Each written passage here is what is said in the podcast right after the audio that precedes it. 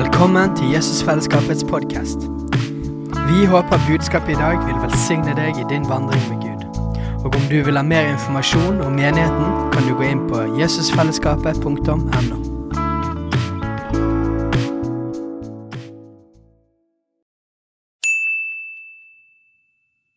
Hei! Visste du at Jesusfellesskapet starter en ny bibelskole til høsten?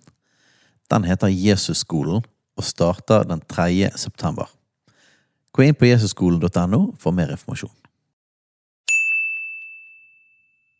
Kjekt å være her igjen. Nå har vi vært så masse vekk eh, med Katrine. Så Jeg må hilse fra Det var jo kanskje noen som hilste på Laila og Nils Peter. Vi må, vi må liksom eh, gjenta for folk hvem som er liksom nære venner av oss. For nye folk som kommer inn i menigheten, kjenner gjerne ikke de. Så vi har lyst til at dere skal kjenne et eierforhold til, eh, til disse menneskene. Så Laila Nils Peter, som var hos oss i tre år på bibelskole og i menigheten, eh, opplevde at Gud kalte de tilbake til Færøyene, og eh, de har startet en menighet. Eh, de, er liksom, de er en del av familien, så jeg fikk være der borte. og... Eh, jeg har lyst til at vi, for De står i en situasjon nå der de opplever Gud taler om at de skal kjøpe et bygg som kommer til å være utrolig viktig base for det de skal gjøre på Færøyene. Eh, og, eh, men det er jo menneskelig talt helt umulig. Men vi har jo fått lov til å oppleve en velsignelse her ved at Evangeliekirken Og jeg ser Per Svein er jo her i dag. Hei, Per Svein. eh, så opplever vi det som et mirakel at vi kan bruke dette bygget her. Og det er viktig for Guds rike å kunne ha en sånn Ha fasiliteter som er nyttig for det Gud har kalt til. Så jeg har lyst til at vi skal ta og be. Er dere med på det? For de på ferjene. Jesus, vi ber om et mirakel på ferjene med Laila Nes Peter og gjengen og menigheten der. At du skal gi dem overnaturlig disse millionene som de trenger for å, for å, kjøpe dette bygget, for en base for å nå ut med evangeliet i hele landet der. I Jesu Kristi navn. Vi erklærer det. Gjennombrudd. I Jesu Kristi navn. Amen. Yes. Eh, og så, Vi har vært forskjellige steder. Froland, og vi hadde en ekteskapsviken. Og så nå i uken så var jeg eh, i Sogn og Fjordane, eller det som før het Sogn og Fjordane. De sier jo dette her eh, at uh, ikke på kartet, men fortsatt i hjertet, sier de. Så Sogn og Fjordane fins ikke lenger teknisk sett, men det fins jo da i hjertene til folk. Så i Sunnfjord og Nordfjord har jeg vært. Og det er virkelig et sånt unådd område nesten altså i Norge. Det er en av disse her flekkene av der, der det er ekstremt lite kristne, og veldig lite som skjer. Og det som er oppmuntrende med sånne steder, det er at uh, ved å dra dit så gjør man jo en forskjell, positiv forskjell nesten uansett hva man gjør. Så, så, jeg bare kjente når jeg var der eh, vi, vi, har jo familie derfra. Pappa vokste opp i Nordfjord. Etternavnet vårt Lofnes kommer derfra. Så, så, det å være der oppe var veldig spesielt. Eh, og eh, vi kommer til å reise med team. Vi opplevde Det var en sånn speidertur. Vi kommer til å reise jevnlig opp dit med team for å være med og backe de kristne som er der, og se en utbredelse av Guds rike. Ok? Så jeg bare tar en bønn på det òg. Jesus, vi ber om at vi skal få lov til å være med og oppmuntre og styrke de kristne som er i det området. Og at mange flere skal bli frelst, Herre. Vi ber om gjennombrudd, Herre. Ber for de gruppene som fikk møte der, Jesus. Bare kom og styrk dem med din kraft, og la de bre seg utover. Og la dette området, Herre, med sogn, i, gamle Sogn og Fjordane, Herre, la, det, la ditt rike komme der, Jesus. I Jesu Kristi navn. Amen. Så det, det, var litt sånn for å bare dra dere litt med inn i de tingene som jeg har vært litt i i det siste. Så, men i dag skal vi snakke om uh, utholdende bønn og hengiven tilbedelse. Halleluja. For det er mye gøyere når det blir utholdende bønn og hengiven tilbedelse enn bare bønn og tilbedelse. Uh, så da må vi slå opp i Apostelens gjerninger, kapittel 1.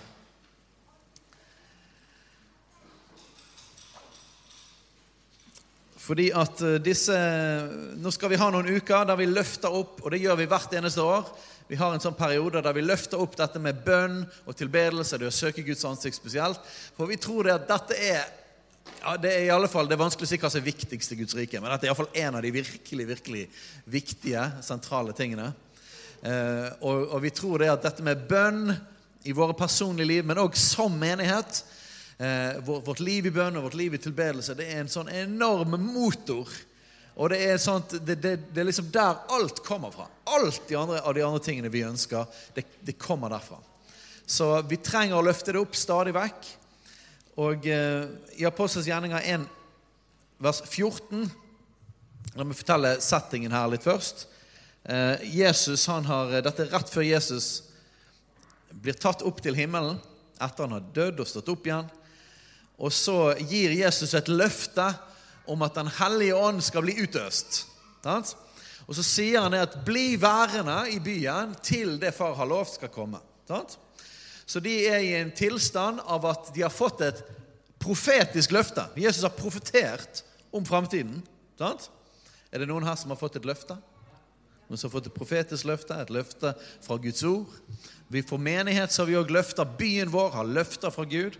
Sant? Familien vår har løfter fra Gud. Så det er en situasjon der Jesus har gitt dem løfter, et profetisk løfte. Og eh, så sier Jesus at de skal vente på at dette løftet blir oppfylt. Og så ser vi at måten de ventet på, det var en eh, aktiv venting. For at løfter fra Guds ord og profetiske ord, det er sånn her invitasjon inn i samarbeid med Gud. En invitasjon inn i bønn. Så, så de satt ikke bare og ventet, men deres venting står beskrevet her i vers 14. Alle disse holdt sammen og var utholdende i bønn. Utholdende i bønn. Så utholdende bønn Hva er forskjellen på utholdende bønn og bønn? Jo, utholdende bønn har en retning, har en intensjon, har en drivkraft med seg. Tid er det du trenger utholdenhet? Noen som tenker på det nå? Nei, du, du trenger utholdenhet når du har lyst til å gi opp. Sant? så utholdenhet betyr at du fortsetter, og du fortsetter å be, og her i dette tilfellet, du fortsetter å be om at dette løftet skal bli oppfylt når du ikke ser at det har skjedd ennå. Når du allerede har bedt masse. 'Gud, gjør dette!' Du lovte at dette skulle skje, og så skjer det ikke. I det synlige så ser du ikke at løftet blir oppfylt. Og da kommer fristeren inn. Djevelen, Satan.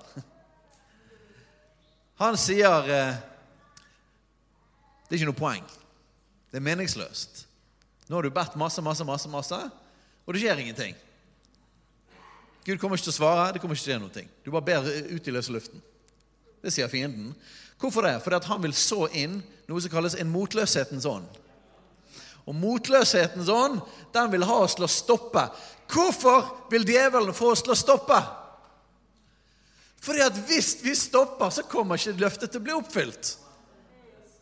Men hvis vi fortsetter, så har vi Guds ords løfter på det skal vi se videre, så kommer det til å bryte gjennom. Problemet med, problemet med Guds løfter det er at han, han sier Har dere hørt Gud si sånne ting som dere? Sånn, ja, men når skal du komme? Jeg elsker deg. Å, nå har jeg ventet så lenge! Fred være med deg, min sønn. Sånn? Han svarer ikke på 'Hvorfor? Hvor lenge må jeg lide?' Må jeg... Han svarer ikke på sånne spørsmål, men han sier 'Fortsett. Fortsett. Jeg elsker deg'. Og, og Vi skal ta det litt mer neste søndag, men, men, i Daniels bok der får vi et lite sånne innblikk, et lite glimt inn i hva som skjer i åndens verden når man begynner å be, og når man begynner å handle på Guds ord og Guds løfter. Og Der ser vi det at, at, at, at Daniel har begynt å be og faste. Og så skjer det noe oppe i åndeverden. Til slutt så kommer, Etter 21 dager så kommer engel Gabriel til han med et budskap. Og så sier han med en gang du begynte å be, så ble han sendt. Med en gang du begynte å ydmyke deg og be, så ble han sendt. Men så skjedde det et eller annet. Han eh, møtte på Perserrikets fyrste. Dette var altså en åndsfyrste som var over Perserriket. Daniel var jo i persernes si, fangenskap. Sant? Så han møtte en åndsfyrste, og så drev han og sloss med han, og den hindret han i å komme videre, altså engel Gabriel. Og så etter hvert måtte Gabriel få forsterkninger fra engelen Mikael. Og så eh, vant de over Perserrikets fyrste, og så kom Gabriel igjennom. Det forklarer ikke alt av hva som skjer når vi ber, men det viser noe om at når vi begynner å be, når vi ydmyker oss for Gud, når vi faster, så skjer det noe i åndens verden. Med en eneste gang så skaper det noe. Det er en respons. For vi ber på grunnlag av at han har sagt vi skal be. Sant?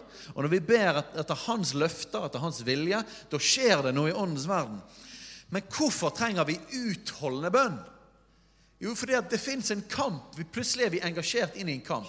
Vi skal heldigvis slippe å være veldig engasjert direkte med, med djevelen i den kampen.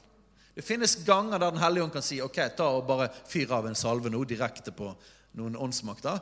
Men som oftest skal vi ikke tenke på det hele tatt. Vi skal ha blikket festet på Jesus. Så Vi trenger ikke å tenke på den åndelige kampen, men det kan være nyttig å bare vite hva som skjer. For noen ganger når vi ber, og det ikke skjer noe ennå, så tenker vi bare at er Gud bare gniten? Hva er poenget med utholdende bønn? Nei, Da må vi vite at utholdende bønn er fordi at når vi begynner å be, så vi, engasjerer vi en åndelig kamp. Og djevelen vil prøve å få oss til å gi opp, for hvis vi gir opp, så får ikke vi gjennombrudd. Men hvis vi fortsetter, så kommer det til å skje.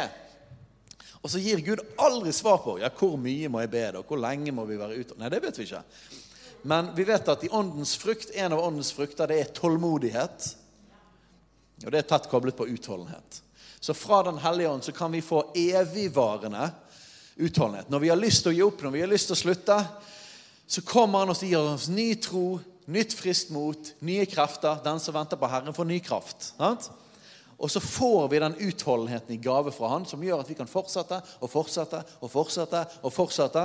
For Gud har ikke gitt oss motløshetens ånd, men kraft, kjærlighet og sindighetsånd. Sant? Halleluja! Så i Apostels gjerninger 1,14 så ser vi at de ba utholdende. Og hva ba de om? De ba om at det Jesus hadde lovt skulle skje. De ba om et gjennombrudd. De ba om at ånden skulle falle på dem. Og selv om ikke vi venter på pinsedag Pinsedag er bak oss. Det var bra det Dennis sa med at det har vært vekkelse. Det har regnet siden pinsedag. Og det det er helt sant. Eh, og samtidig så det er sant, så vet vi at det er tider av forfriskning og tider av mer av Guds nærvær. Og Vi ser også det i apostelens gjerninger at etter pinsedag så var det tider der det, der det var nye sånne her gjennombrudd. Og så kom det mer av Guds rike. Halleluja. Så utholdende bønn er fordi at når vi ber, så engasjerer vi en åndelig kamp. Og så skal vi se litt på Dette nevnte Danny òg, så det var helt supert å få, få si, varmet oss opp på her, denne tematikken. For det jeg tror Gud vil si noe her til oss i dag. Han vil, oss til, til, han vil forfriske oss i forhold til bønn og i forhold til tilbedelse. Så i Lukas kapittel 11 der underviser Jesus om bønn. Og I begynnelsen er Fader vår. Den er fantastisk. Jeg skal ikke ta den akkurat nå. Eh, men der gir Jesus oss rett og slett alle områder som de, de viktigste områdene å be, be, for hver eneste dag. Så det er en fantastisk bønn, men skal, vi skal begynne på i vers 5. Så vi snakker om utholdende bønn i dag. Og han sa til dem, sett at en av dere har en venn og kommer til ham midt på natten og sier til ham, venn, lån meg tre brød, for en venn av meg er kommet til meg fra reise, og jeg har ikke noe å sette fram for han. Skulle da han der inne svare, bry meg ikke, døren er alt stengt, og mine småbarn er i seng med meg, jeg kan ikke stå opp og gi deg det. Jeg sier dere, om han ikke står opp og gir det fordi han er hans venn, så vil han stå opp fordi han er så pågående og gi ham det han trenger. Pågående. Så i tillegg til utholdenhet, som handler jo om å fortsette og fortsette og fortsette, og ikke gi opp, så, så legger Jesus en ekstra ting til der som handler om pågåenhet. Det handler jo om intensitet i sin utholdenhet. Sant? Så det er altså på en måte mer enn bare at vi fortsetter, men det er at vi fortsetter, og vi trykker på, altså. Vi er intense. Og Jesus forteller også noe av det samme om pågåenhet i, i lignelsen om enken og dommeren. Husker dere den? Den dommeren som bare kom inn der og truet denne her dommeren med paraplyen. Det står ikke om paraply, da, men eh, jeg ser for meg en gammel dame med paraply. En gammel bergensdame som kommer der for å slå han i hodet med paraplyen. Men Så Jesus underviser der òg om bønn. Pågående bønn. Altså trykk på. Hvorfor trykker vi på? Er det fordi at, vi, er det fordi at far ikke vil gi? Nei. Far har allerede lovet at han vil gi. Men Gud har gitt oss bønnen som en måte å engasjere inn i den åndelige kampen. Men istedenfor at vi engasjerer direkte med djevelen, så skal vi få lov til å ha blikket festet på Jesus, og så retter vi mot bønn til Gud. Så når vi ber til Han, så mer og mer så kommer Han med sin kraft. Mer og mer så utøser Han. Mer og mer så kan Han sende sine engler og gjøre ting. Og så vinner Han over djevelen på våre vegne. Halleluja. For vi er jo i en åndelig kamp her på jorden. Så bønnen er, koblet på det. At Guds rike er kommet med det. Vi lever i en spenning mellom Guds rike og djevelens rike. Guds rike og mørkets rike på jorden. Og bønnen er en av de mektigste våpnene til å se djevelens rike presset tilbake, og Guds rike komme mer manifestert. Halleluja. Og det er det vi vil ha, ikke det? Vi trenger det i våre egne liv, vi trenger det i familiene våre, nabolagene våre, vi trenger det i menigheten, i byen, i landet vårt. Og Derfor trenger vi å lære å be. Og Derfor underviser hun disse tingene. Pågående bønn. Og så står det videre i vers 9. Og jeg sier til dere, sier dere, be, så skal dere få. Let, så skal dere finne. Bank på, så skal det lukkes opp for dere. For hver den som ber, han får. Den som leter, han finner. Og den som banker på, ham, for ham skal det lukkes opp. Og eh, Dette verset husker jeg irriterte meg litt eh, når jeg var yngre. For jeg tenkte be, så skal du få. Så tenkte jeg at det betydde be en gang, så får du det. Og så tenkte jeg ja, men Gud, jeg ba om at bussen ikke skulle komme for seint. Eh, eller jeg ikke skulle være for seint til bussen, og så kom vi for sent til bussen. Så jeg ba, og så fikk jeg ikke. Det var feil. Men så ser vi konteksten som dette står i. Konteksten før er altså pågående bønn. En som står og maser på naboen her. Og så står det videre sammen med B så skal dere få. Hva er det det står? Let, så skal dere finne. Har du leitet noen gang? Sant? Hvordan funker leiting? En leiting funker sånn at du leiter helt til du finner det. Gjør ikke det? Ja, vi prøver å lære Joshua, da. Vår yngste sønn å leite. Katrine prøver å lære henne. Og, og, og, gutter er jo notorisk elendige til å leite. Så Katrine har gitt han en regel. Det at Du må leite tre ganger. Altså Du må leite helt til du ikke finner den. Og så komme tilbake, og så må du gå en, altså, tre ganger må du leite. Og så måttes finner han den tredje gangen. Men du leiter. Hvor lenge leiter du? sant? Det ligger jo i leitingens natur at det, ikke, det er liksom ikke aktiviteten i seg sjøl som er poenget. Sant? Poenget med leitingen er jo at du skal finne. Så du kan liksom ikke si 'ja, men jeg har leitet'. Ja, Men hva hjelper det hvis du ikke har funnet? Du leiter til du finner, og så sier vi til slutt 'Jeg fant den. Jeg fant den til slutt.' ikke det vi sier? Selvfølgelig fant vi den til slutt. Så når du leiter utholdende, så finner du til slutt. Det irriterende med det Jesus sier her, er det at han gir oss ikke noe tids greie. Han sier bare at hvis du fortsetter å leite, så kommer du til å finne. Det betyr leiting pluss utholdenhet er lik at du finner. Men du kan begynne å leite, og så kan du bli motløs, og så kan du gi opp, og da finner du ikke. Det er veldig viktig at vi får med oss den utholdenhetsbiten der. For hvis ikke så skjønner ikke vi hva Jesus sier. Pågåenhet og utholdenhet. Leit til du finner. Og om du blir motløs etter hvert, så gå til Jesus og si, 'Jesus, jeg er lei av å leite.' Gi meg nåde til å fortsette. Så kommer han. Så kommer han med nåde til å fortsette. Det er utholdenhet. Og Når du putter leiting på utholdenhet, så leiter du til du finner. Da bryter det gjennom. Og På samme måte så har du det på neste. da. Bank på, så skal det lukkes opp for dere. Hvor lenge banker du på? Du banker på til det blir lukket opp. Og overalt Jeg har forkynt dette mye i det siste. Så pleier jeg å banke i bordet. Sånn at du skal huske det. At ørene dine og din sjel og din kropp skal få dette inn. Husk denne bankingen. Bank på. Hvor lenge banker du på? Du banker på til det blir lukket opp. Halleluja. Dette er dyp teologi. Så hvor lenge banker du på? Du banker på til det blir lukket opp. Vi har ikke noe løfte i Bibelen som sier 'bank på tre ganger, så skal det bli lukket opp'. Det står ingen plasser. Men det står veldig mange løfter om at hvis du fortsetter, så kommer det til å skje. Stå derfor djevelen imot, så skal han fly fra dere. Ja, men Gud, hvor lenge skal vi stå han imot? sier jeg ingenting om. Men, jeg, men, han sier 'jeg elsker deg, og jeg er med deg, og jeg vil gi deg din, min ånd', 'jeg vil gi deg din kraft, og jeg vil gi deg utholdenhet til å fortsette'. Det eneste vi kan vite helt sikkert, er at om vi slutter, om vi blir motløse, om vi gir opp, før det har brutt gjennom, så skjer det ikke. Så utholdenhet er en big deal. Bank på til det blir lukket opp. Og putt gjerne på litt pågåenhet.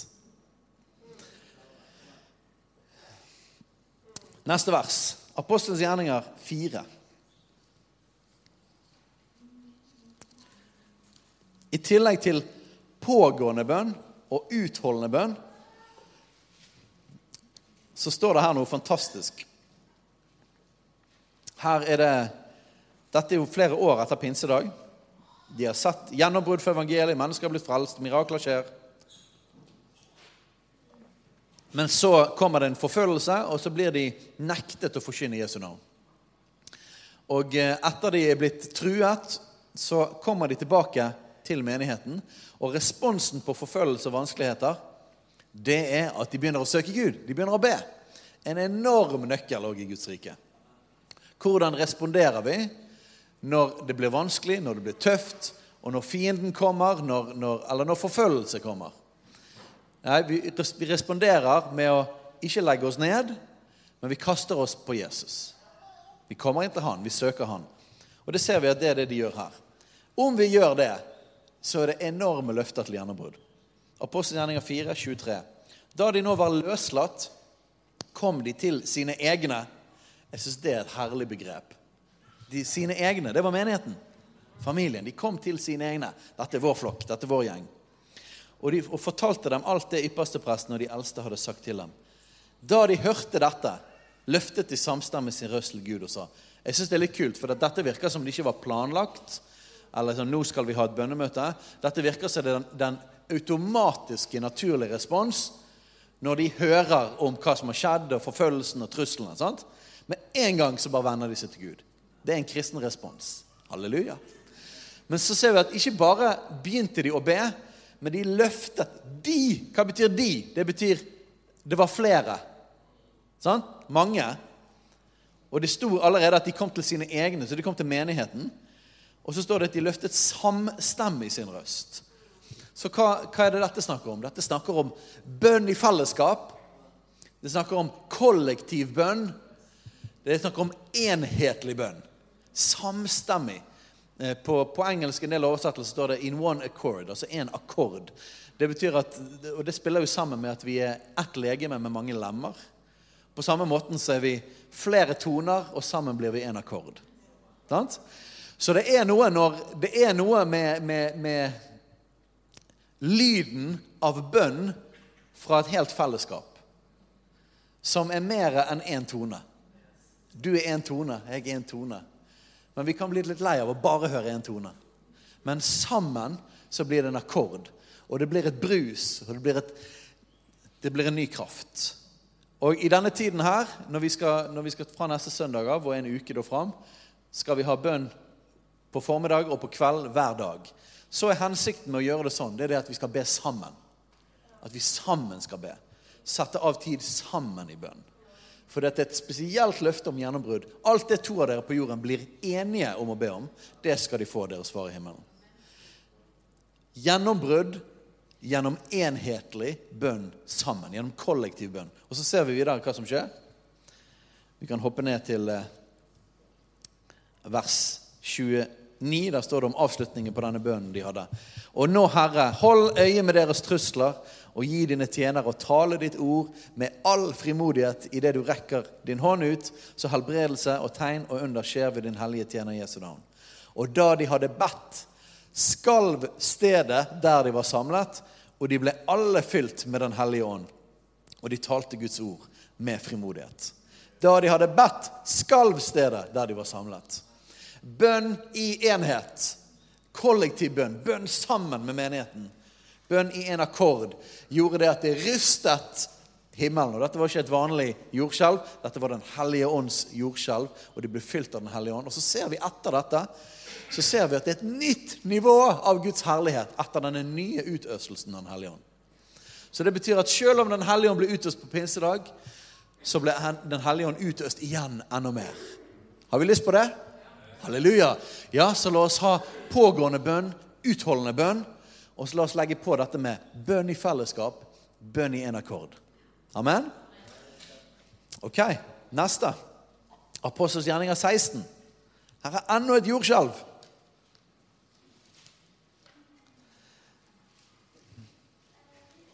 Her er det Paulus og Silas som er på eh, eh, misjonsreise. Og så har de, har de kastet ut en ond ånd av, av en eh, spådame som var en slave, og så ble de som eide henne, veldig sinte. da. De ødela businessen. Og så ble det trøbbel. Og så, de, så står det i vers 22 da, i kapittel 16 Folkemengden reiser seg også mot dem. Styresmennene rev da klærne av dem og lot dem hudstryke. Ok. Um, har du hørt vet du hva hudstryking er for noe? Jeg har ikke lyst til å snakke så mye om det, for det er veldig ekkelt. faktisk. Så du har pisking. Du har flere varianter av, av når vi ser at folk blir forfulgt og de blir satt i fengsel. Gang, noen ganger så blir de slått med stokker, noen ganger står det at de blir pisket. Og så har du hudstryking, som er rett og slett pisk med masse sånne her eh, beinrester og biter i seg, som river opp ryggen. Ok? Ja. Eh, det var sånn at De snakket om at det var 39 slag på ett nær. Og Det var en, var en eh, tradisjon på at du fikk 39 slag. Og hvis du fikk 39 slag, så var det fordi at de regnet med at du dør hvis du får mer enn det. Ok? Hvorfor sier jeg alt dette her?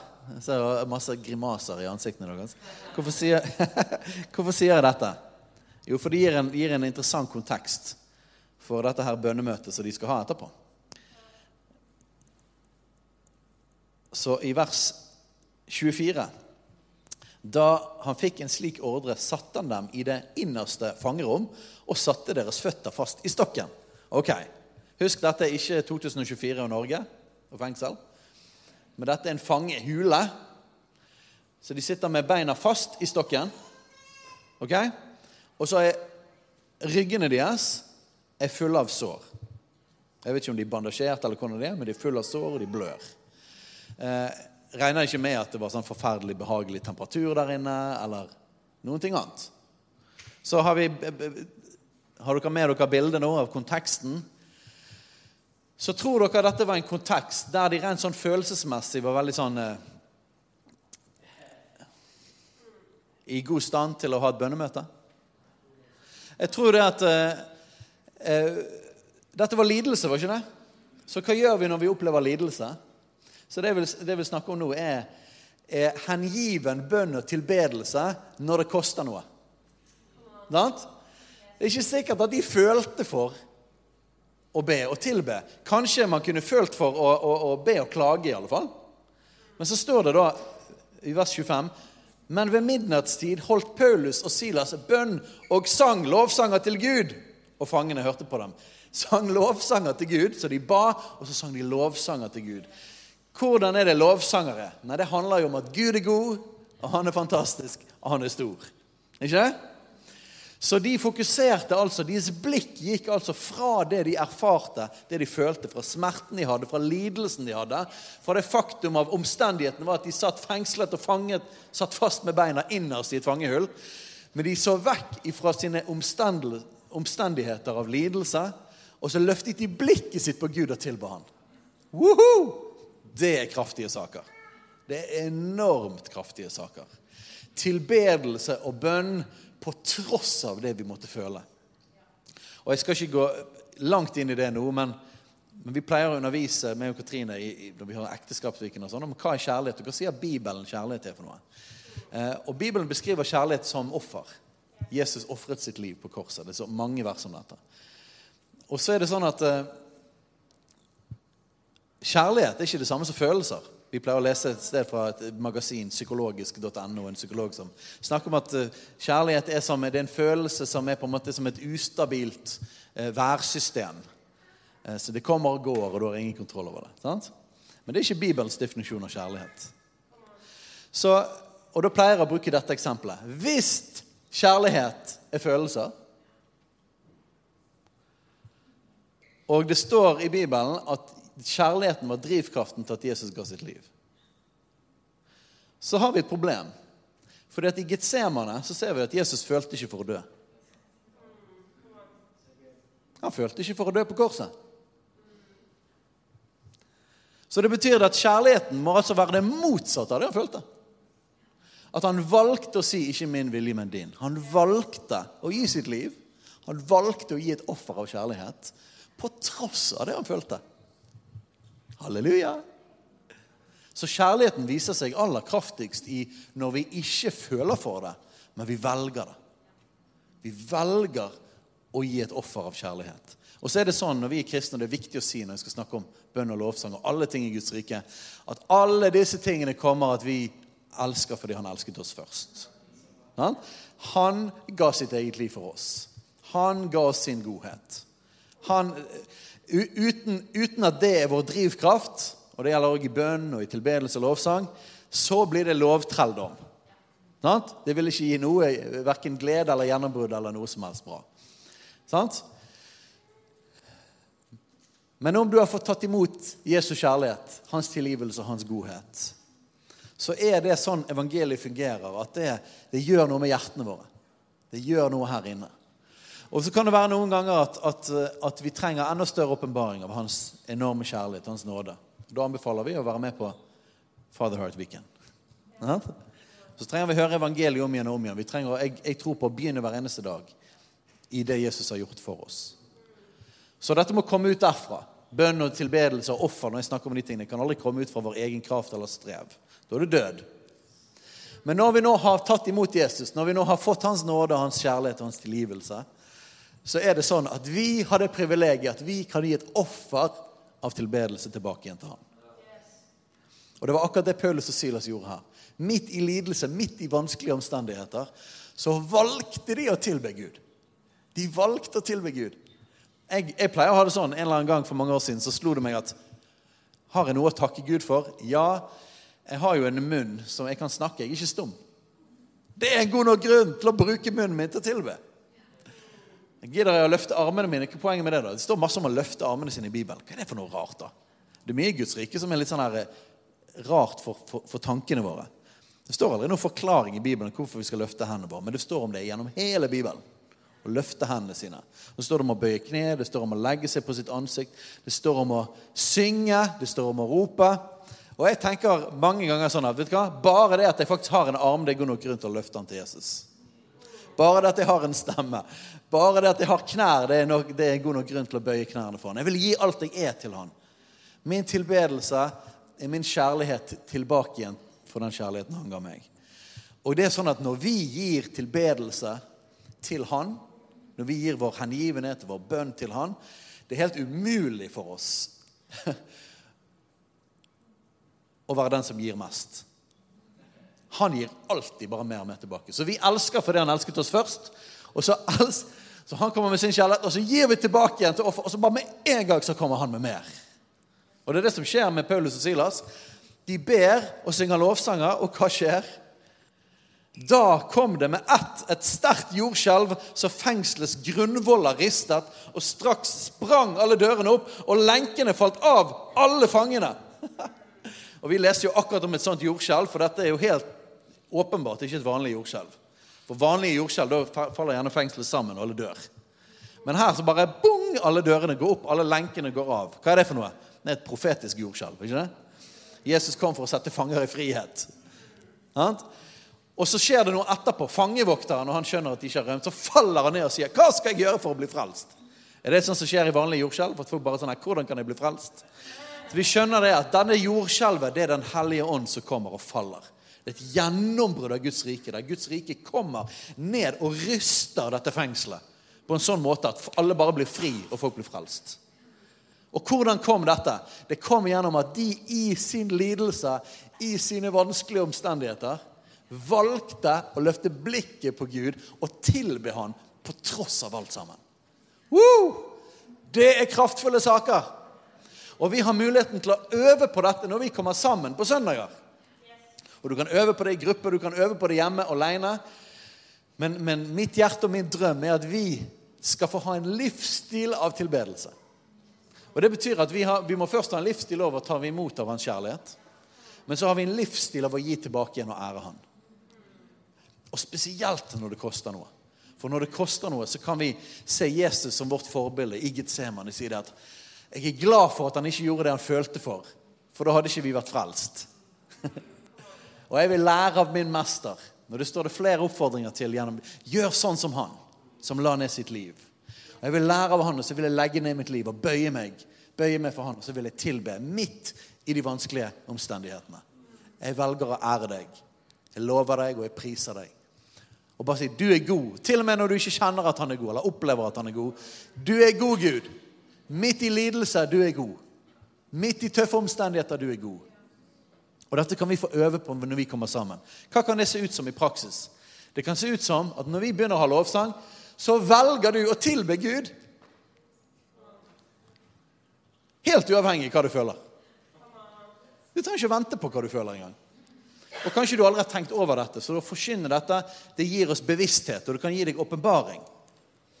Så jeg vil velge å leve ut fra min ånd, være drevet av ånden, ikke være drevet av mine følelser.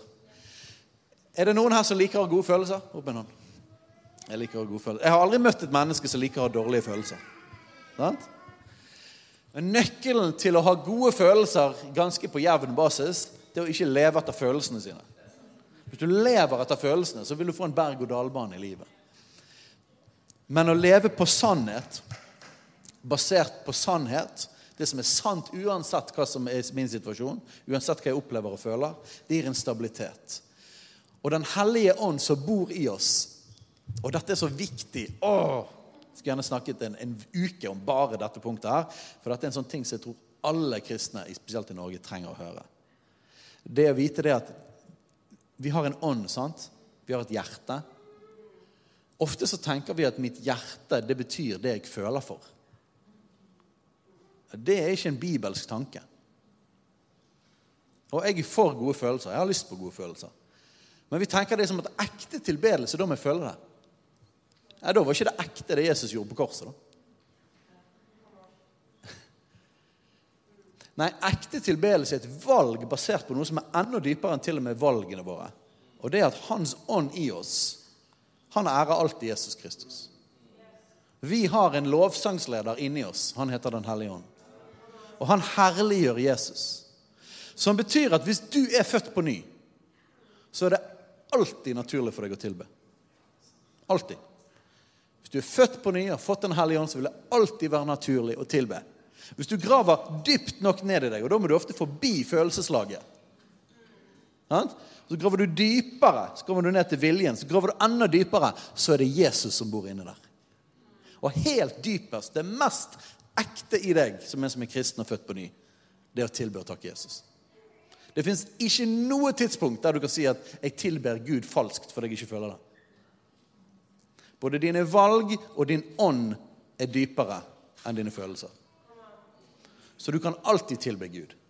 Og faktisk er det sånn at Hvis du har lyst til å føle for å tilbe Gud, da er min anbefaling begynn å tilbe Gud før du føler det. Og veldig ofte så kicker følelsene inn. Men jeg tilber ikke for å føle. Hvis jeg tilber for å føle, hvem tilber jeg da? Sant? Blikket festet på Jesus. Jesus, Jesus, Jesus. Og så er det jo sånn, og jeg merker det når jeg står her nå Jeg tilber deg, og jeg ærer deg. Ja, da kommer han med sin godhet. Han gjør det. Han har en åpen himmel. Han skyller over meg med sin godhet. Og jeg får til og med føle, jeg får erfare hans godhet og kjærlighet. Men jeg tilber han fordi det er en verdi for meg. Jeg er en kristen, jeg er født på ny. Jeg vil leve mitt liv i ære for Jesus Kristus. Jeg vil gi tilbake igjen. Amen? Så vi kan trene på dette. Kom og vær med og syng. Og gi alt det du er. Gi ånd og gi sjel og gi din kropp. Og kroppen der er spesielt viktig. For vi er jo ikke gnostikere, er vi det? Jeg skal ikke si så mye om hva gnostikere er for noe. Men det betyr at vi tror ikke kun på at det er kun vårt indre eller det sjelelige eller det åndelige som er viktig. Men vi tror at Gud har skapt oss òg med en kropp. Sant? Målet er ikke engang at vi skal dra til himmelen og være sånne her eh, eng, små engler med, med, vinger og harper. Men Bibelen forteller at vi skal få et nytt legeme, en ny kropp, og leve på en fysisk jord. Og Guds herlighet skal bo midt iblant oss. Så kroppen er ikke en fiende for Gud. Nei, gi kroppen i ære og tilbedelse til Gud. Halleluja. Gi alt. Gi alt det du er. Gi alt det du har.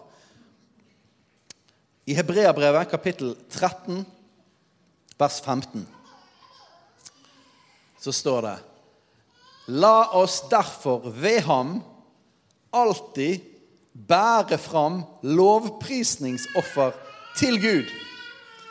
Det er frukt av lepper som priser hans navn. La oss derfor ved ham alltid bære fram lovprisningsoffertlig. Alltid. Oi, det var mye. Ved Guds nåde, sant? Please, ikke ta dette i strev.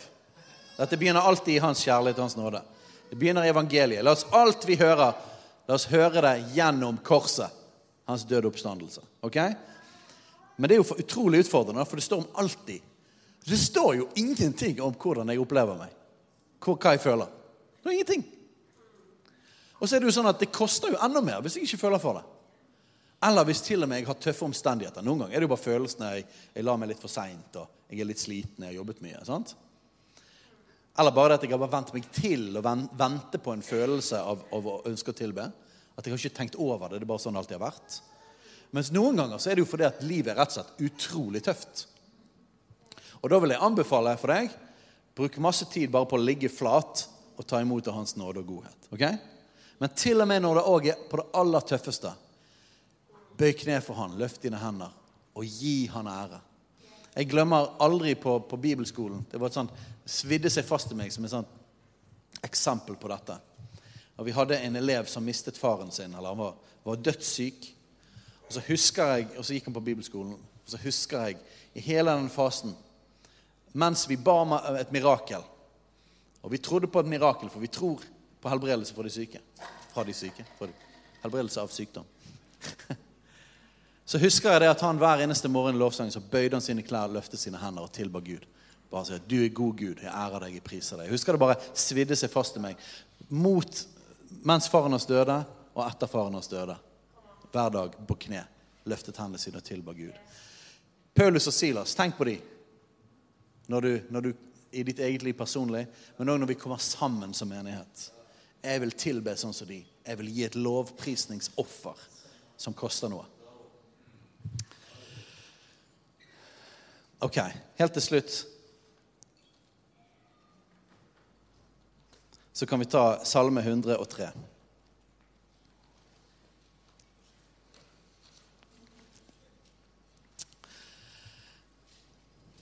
Dette er en ting som, Paul, nei, som, som David sier mange ganger gjennom salmene. Salme 103, vers 1. Min sjel, lov Herren. Dette sier han mange ganger. Hva er det for noe? Han snakker til sin sjel. Min sjel, lov Herren. Hvorfor det, da, sier min sjel. Fordi at Herren er god. Han er verdig. Hvorfor det står videre? Min sjel lov Herren, og alt som i meg er, lover Hans hellige navn. Han kommanderer seg sjøl. Min sjel, lov Herren, og glem ikke alle hans velgjerninger. Nå har jeg gitt noen grunner. Jeg ser Jesus han ga sitt liv. Kjærlighet er å gi mens det koster. Paulus og Silas de tilba mens det kostet. Eh, jeg har gitt noen grunner i forhold til at eh, vi har armer og munner og bein, og alt mulig, så la oss gi dem i tilbedelse til Han. Men her er òg en grunn til å tilbe. Glem ikke alle hans velgjerninger. Husk på å bringe opp i din, din bevissthet hva han har gjort for deg. Og Da kan vi jo begynne med Takk, Jesus, for at pga. din enorme kjærlighet og nåde så slipper jeg å betale prisen for mine synder, og jeg slipper evig fortapelse. Den er jo egentlig nok, ikke det? Du trenger ikke flere grunner resten av livet. Takk, Gud, at du har frelst meg. Takk at jeg er ditt barn. Og så kan du komme med flere grunner, fordi at Gud har vært god mot deg. Har Gud har vært god mot meg og deg. Og så kan vi bringe disse tingene opp i oppmerksomheten og si takk, Gud, for det du har gjort i mitt liv. Wow, takk for din enorme trofasthet igjen og igjen og igjen og igjen. Og jeg bevisst så prøver jeg å minne meg om sånne ting og ikke glemme alle hans velgjerninger. Fordi at israelsfolket de ble bedt om å lage sånne her merkesteiner der Gud hadde gjort et mirakel. Sånn at de ikke skulle glemme det, sånn at de skulle huske hva han hadde gjort. Og så står det videre, så står det etter Moses var død, etter Josfa var død, så står det videre at så kom det generasjoner som hadde glemt alt det Gud hadde gjort. Og så vendte de seg vekk ifra Gud. Så det å, det å huske det han har gjort, det holder oss nær til Gud. Så glem ikke all hans vennegjerninger. No, og noen ganger så setter jeg opp sånne merkesteiner. Ofte når jeg går til huset vårt, for det var et mirakel at vi Vi, vi, kunne ikke kjøpe noe hus, og vi fikk et profetisk ord. Og på to måneder så bare var det masse mirakler som skjedde i en rekke, og så plutselig flytt, så flyttet vi inn i et hus. Så når jeg ser på huset vårt, så er det en sånn merkestein for meg. tenker jeg, Takk, Gud, for det miraklet du gjorde for oss. Takk, Gud. Jeg takker Gud for dette bygget her. Hver gang jeg kommer fra Bybanen og går oppover ser dette bygget, så takker jeg Gud. Du er god Gud. Du har gjort et mirakel. Har du sånne ting i ditt liv som han har gjort? Glem ikke alle hans velgjerninger. Når du ikke føler for å tilbe, minn deg om det han har gjort for deg. Min sjel lov Herren, og alt som i meg her, lover Hans hellige navn. Min sjel lov Herren, glem ikke alle hans velgjerninger. Og helt til slutt Jeg trenger ikke å lese derfra. Men hvis du lurer litt på hvorfor vi driver og eh, prøver å synge høyt Det er en del folk som synger høyt, og til og med noen som roper, og til og med noen som danser og flagger. Hvorfor i all verden er det vi gjør disse tingene? Spesielt for dere som er nye i menigheten. Er det bare fordi at vi har bestemt oss for at ja, det er Jesusfellesskapets lovsangskultur? Nei, det er ikke det. Det er fordi at, eh, det er fordi at jeg personlig, og vi som har ledet denne menigheten en stund, vi er overbevist om at hengiven tilbedelse er himmelens lovsangskultur. Enkelt og greit. Vi tror at det ikke er likegyldig. Vi tror ikke at norsk kultur er det som er normen for lovsang. Vi tror at det er himmelens kultur. Og jeg har lest Johannes' åpenbaring. Kanskje jeg kan lese litt mer fra det neste søndag. Jeg har lest at vi faktisk, vi som er her, vi en gang skal stå foran tronen. Sammen med alle de som er blitt frelst gjennom historien. Og så står det om at vi skal tilbe Gud. Og den tilbedelsen blir beskrevet som voldsom. Mektige brus. Og det de står igjen og igjen, igjen i Johannes' oppbevaring. De lovet Gud med høy røst, høy stemme, høy sang, høy lovprisning og med hele kroppen i hengivenhet. Og Hvis du f.eks. er lei av at refreng går om igjen og om igjen, så kan jeg si deg at i himmelen så har de ett refreng som går om igjen og om igjen hele tiden. Hellig, hellig, hellig. Hellig, hellig, hellig. Så prøver vi å kopiere himmelen. Ja, det blir rart å prøve, Men nei, vi tror at dette er himmelens lovsangskultur. At vi hengir oss til Gud med alt det vi er. Og min historie er det at jeg var en forsiktig, sjenert liten gutt som var livredd første gang jeg kom på et karismatisk møte. Og jeg så at folk sto og de løftet hendene. Jeg var vant med at vi sang 'Fall til ro' fra treklang oppe i bedussofaen. Så dette var ikke naturlig for meg personlighetsmessig eller sånn som jeg vokste opp. Men Gud måtte lære meg det. Jeg hadde en periode der Den hellige ånd var på meg. etter å bli døpt i Den hellige ånd. Så pushet han meg. Jeg bare 'Kom igjen, løft hendene', da. Jeg bare diskuterte. Hva er poenget med det, da? Hva er poenget med at armene mine er liksom opp i luften istedenfor nede? Hva, hva liksom, hvorfor har det noe som helst å si? Jeg kan jo tilbe deg fra mitt hjerte. Hvorfor må jeg synge høyt? Hva er, hva er poenget med det? Gud har aldri svart meg på det. Men Den hellige ånd pushet meg. Kom igjen! Og jeg fikk ikke fred. Og hver gang jeg gjorde det han pushet meg til, så bare kjente jeg frihet. Bare wow! Hva er det som skjer? Frihet. Gjennombrudd. Mer av Den hellige ånds kraft. Jeg forstår det fortsatt ikke med mitt sinn, men jeg ser det gjennom hele Bibelen, og jeg har erfart det når jeg har praktisert det. Og det handler om at hele min kropp er et lovprisningsoffer for Han. Halleluja. Så pågående bønn, utholdende bønn, bank, bank, bank. Bønn i enhet, bønn i fellesskap og tilbedelse som koster noe. Tilbedelse og bønn som koster noe. Dette lengter vi etter skal være en del av ditt liv, en del av din livsstil. Og når vi kommer sammen, så blir det ikke bare masse enkeltpersoner som har en livsstil, men det blir en kultur. Det blir en kultur som ligner på himmelen, og som bringer gjennombrudd. For det første er det bra for oss. Og det er riktig. Gud er verdig å bli tilbedt. Men i tillegg til det så kommer det åndelige jordskjelv som ryster jorden og bringer gjennombrudd av kraft av mer av Hans rike. Og dette er noe av det viktigste som fins i hele vårt liv med Jesus. Så la oss reise oss opp. Og så kan vi gjerne ta og praktisere litt med å løfte våre hender. Så far, vi, vi som nordmenn vi syns det er veldig rart dette med å bevege kroppen sin. Vi, vi er mange stive nordmenn her. Men far, lær oss Du var ikke nordmann. Lær oss, lær oss både Midtøstens eh, hengivenhet, men enda mer himmelens kultur. Og far, vi ber om det. Vi ber om det at du gir oss nådens og bønnens ånd. At du gir oss kraft til å holde ut i bønn. Og at du gir oss åpenbaring, så vi skjønner det at når motløshetens ånd kommer for å ta tak i oss, så må vi bare fortsette å banke, fortsette å lete, fortsette å be. Og så kommer det til å bryte igjennom. Jeg ber om en ånd av tro over oss, sånn at vi tror, Herre, det som Vi tror mer det usynlige enn det synlige. At vårt blikk er vendt mot det som er der oppe. At vi holder fast på løftene. Og far, jeg ber at du skal lære oss å be sammen. Styrk bønnekulturen, Herre, de neste ukene hos oss. Styrk bønnekulturen, Herre. Lær oss å be, Herre. Utøs nådens og bønnens ånd over oss, Herre. Lær oss å be i enhet. Lær oss å be med utholdenhet og pågåenhet. Og lær oss å tilbe med alt det vi er, Herre. Lær oss å tilbe Jesus. Lær oss å lovprise ditt navn, Herre. Lær oss å gi lovprisningsoffer til deg. Frukt av lepper som priser ditt navn, Herre. Minn oss, Herre, om alle dine velgjerninger, alt det du har gjort, Herre. Sånn at vi kan si 'Min sjel, lov Herren', akkurat nå. Så vi ærer deg, og vi priser deg, og vi tilber deg, Jesus.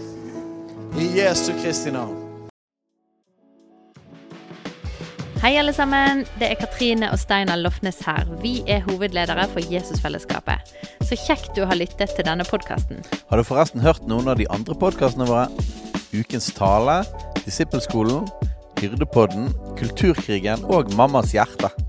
Du finner disse podkastene på Spotify, Apple Podkaster og på nettsiden vår jesusfellesskapet.no.